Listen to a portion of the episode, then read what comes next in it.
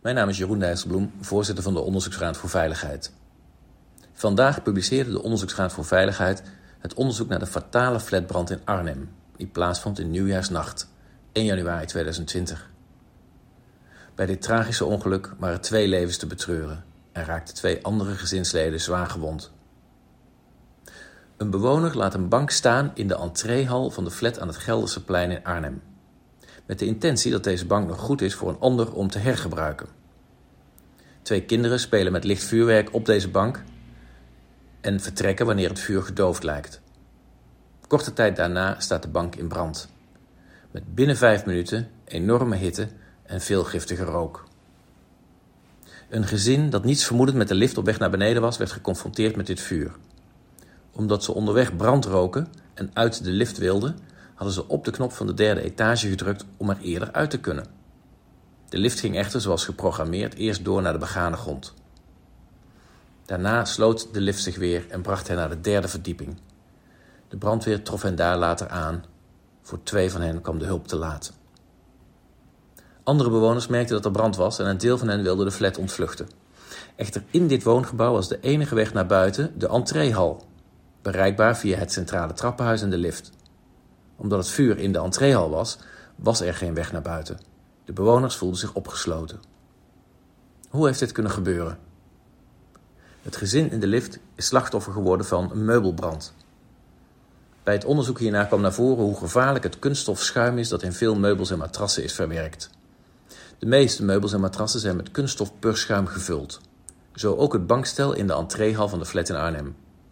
Het kunststof schuim vat gemakkelijk vlam.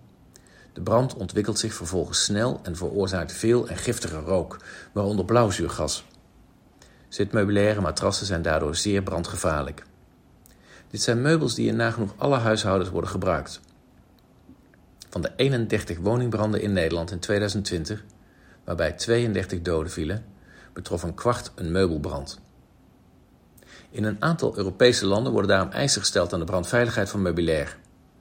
Hier was men in Nederland terughoudend in, omdat de vlamvertragers schadelijke stoffen bevatten voor het milieu. Voor de Nederlandse overheid was dit steeds de reden om het niet te verplichten. Ondertussen is de ontwikkeling van brandvertragers doorgegaan en zijn er goede alternatieven beschikbaar, minder schadelijk voor het milieu.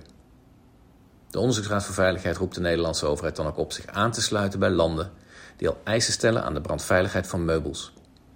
Ook de brandweer en het Instituut voor Fysieke Veiligheid hebben hier al herhaaldelijk voor gepleit. Het onderzoek toont ook aan dat de brandveiligheid van woongebouwen verbeterd dient te worden. Er staan in Nederland veel woongebouwen waarbij er slechts één route naar buiten is, die dan ook de enige vluchtroute is.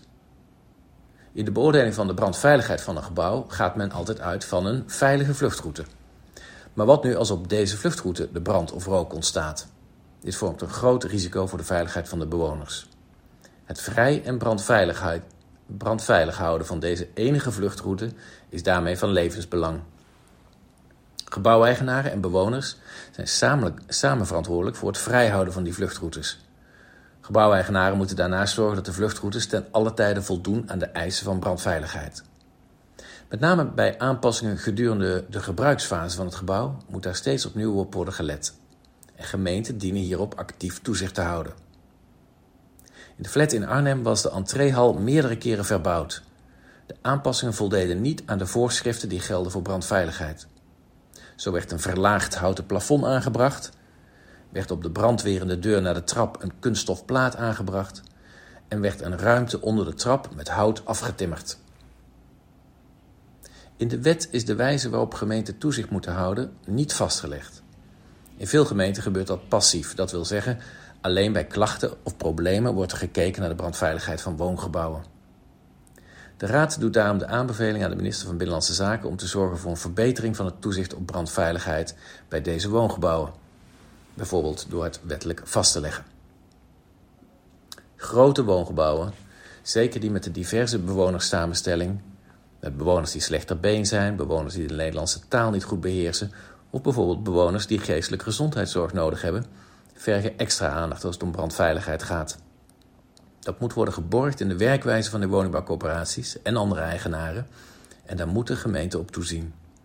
Het is voor hen belangrijk steeds opmerk opmerkzaam te zijn en snel actie te ondernemen op nieuwe onveilige situaties.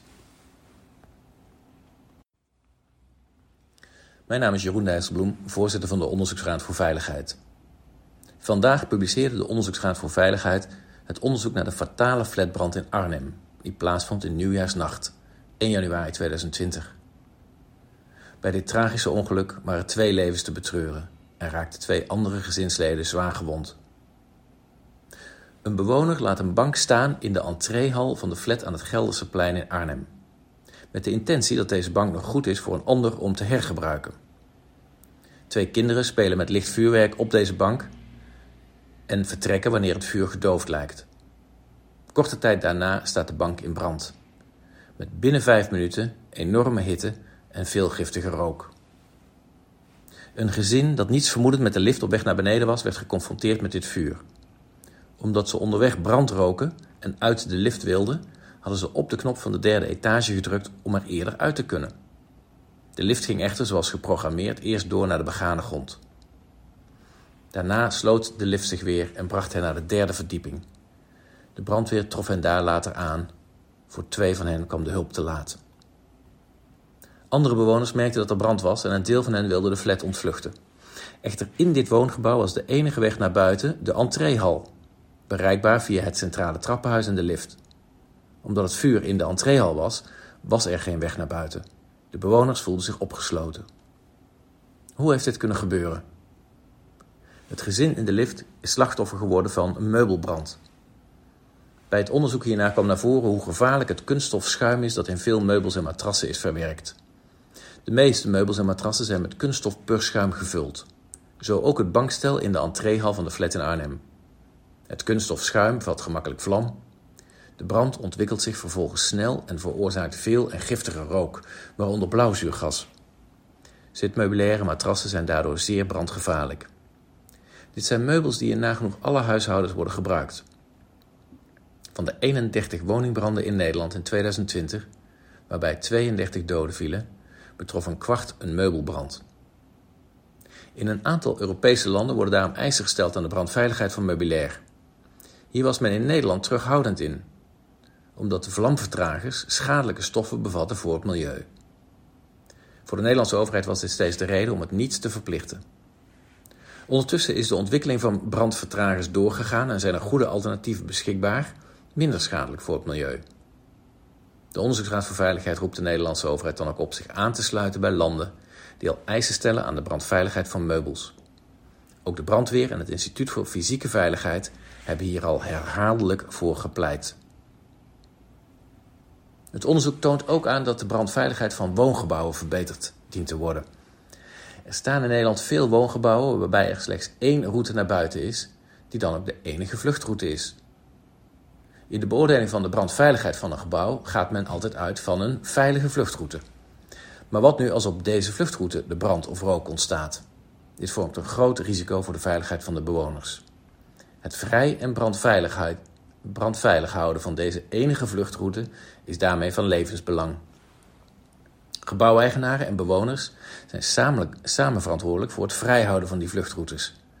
Gebouweigenaren moeten daarnaast zorgen dat de vluchtroutes ten alle tijde voldoen aan de eisen van brandveiligheid.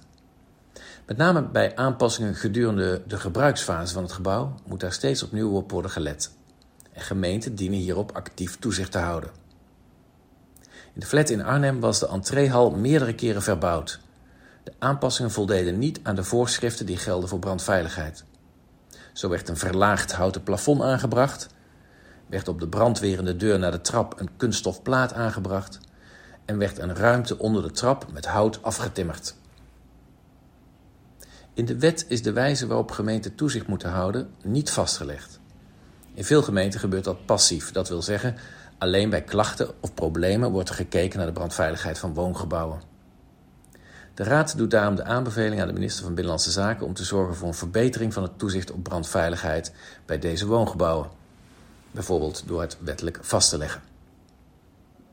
Grote woongebouwen, zeker die met de diverse bewonerssamenstelling, Met bewoners die slechter been zijn, bewoners die de Nederlandse taal niet goed beheersen of bijvoorbeeld bewoners die geestelijke gezondheidszorg nodig hebben, vergen extra aandacht als het om brandveiligheid gaat.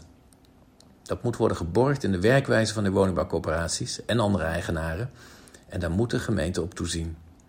Het is voor hen belangrijk steeds opmerk opmerkzaam te zijn en snel actie te ondernemen op nieuwe onveilige situaties.